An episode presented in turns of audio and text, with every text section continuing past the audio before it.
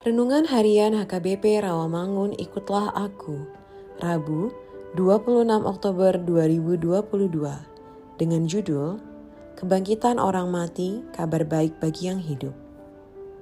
Bacaan kita pagi ini tertulis dalam ulangan 4 ayat 2-14. Bacaan kita malam ini tertulis dalam Galatia 4 ayat 21-31 dan kebenaran firman Tuhan yang menjadi ayat renungan kita hari ini tertulis dalam 1 Korintus 15 ayat 22 yang berbunyi Karena sama seperti semua orang mati dalam persekutuan dengan Adam, demikian pula semua orang akan dihidupkan kembali dalam persekutuan dengan Kristus. Demikian firman Tuhan. Sahabat ikutlah aku yang dikasihi Tuhan Yesus, Kebangkitan Yesus Kristus memungkinkan kita hidup dalam kekekalan bersama Dia.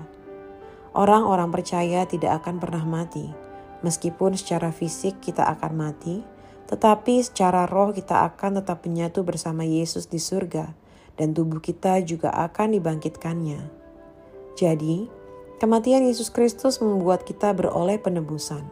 Kebangkitannya membuat kita beroleh persekutuan dengan Kristus dengan tubuh yang baru. Kematian Kristus itu fakta dan kebangkitan Kristus itu fakta. Kebangkitan Kristus itu juga menyatakan adanya jaminan kebangkitan kita. Jika Kristus tidak dibangkitkan, maka sia-sialah iman kita. Inilah keyakinan dan pengharapan yang kokoh akan kebangkitan. Setiap orang yang percaya dan mengaku dengan mulutnya bahwa Yesus adalah Tuhan akan hidup kekal di kerajaan surga bersama Tuhan. Sungguh ini adalah pengakuan iman percaya.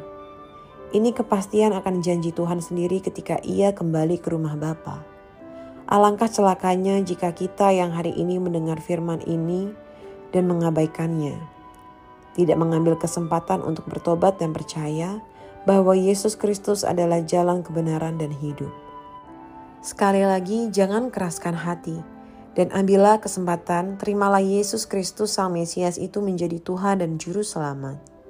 Sebab jika kamu mengaku dengan mulutmu bahwa Yesus adalah Tuhan dan percaya dalam hatimu bahwa Allah telah membangkitkan dia dari antara orang mati, maka kamu akan diselamatkan.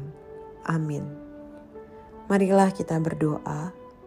Terima kasih Tuhan untuk firman-Mu hari ini.